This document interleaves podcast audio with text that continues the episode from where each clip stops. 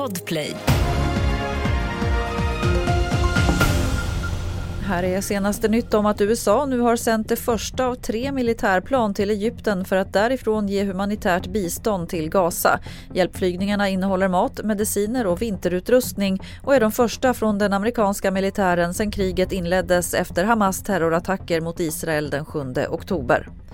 Det brinner i en industrilokal i Bårhult öster om Göteborg.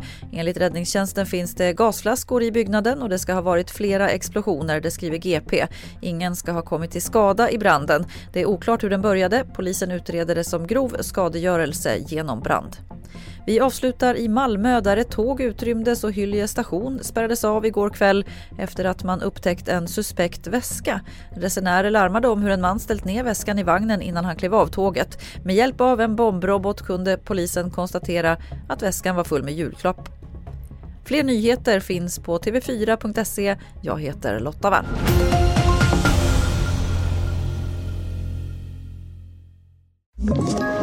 Ett poddtips från Podplay.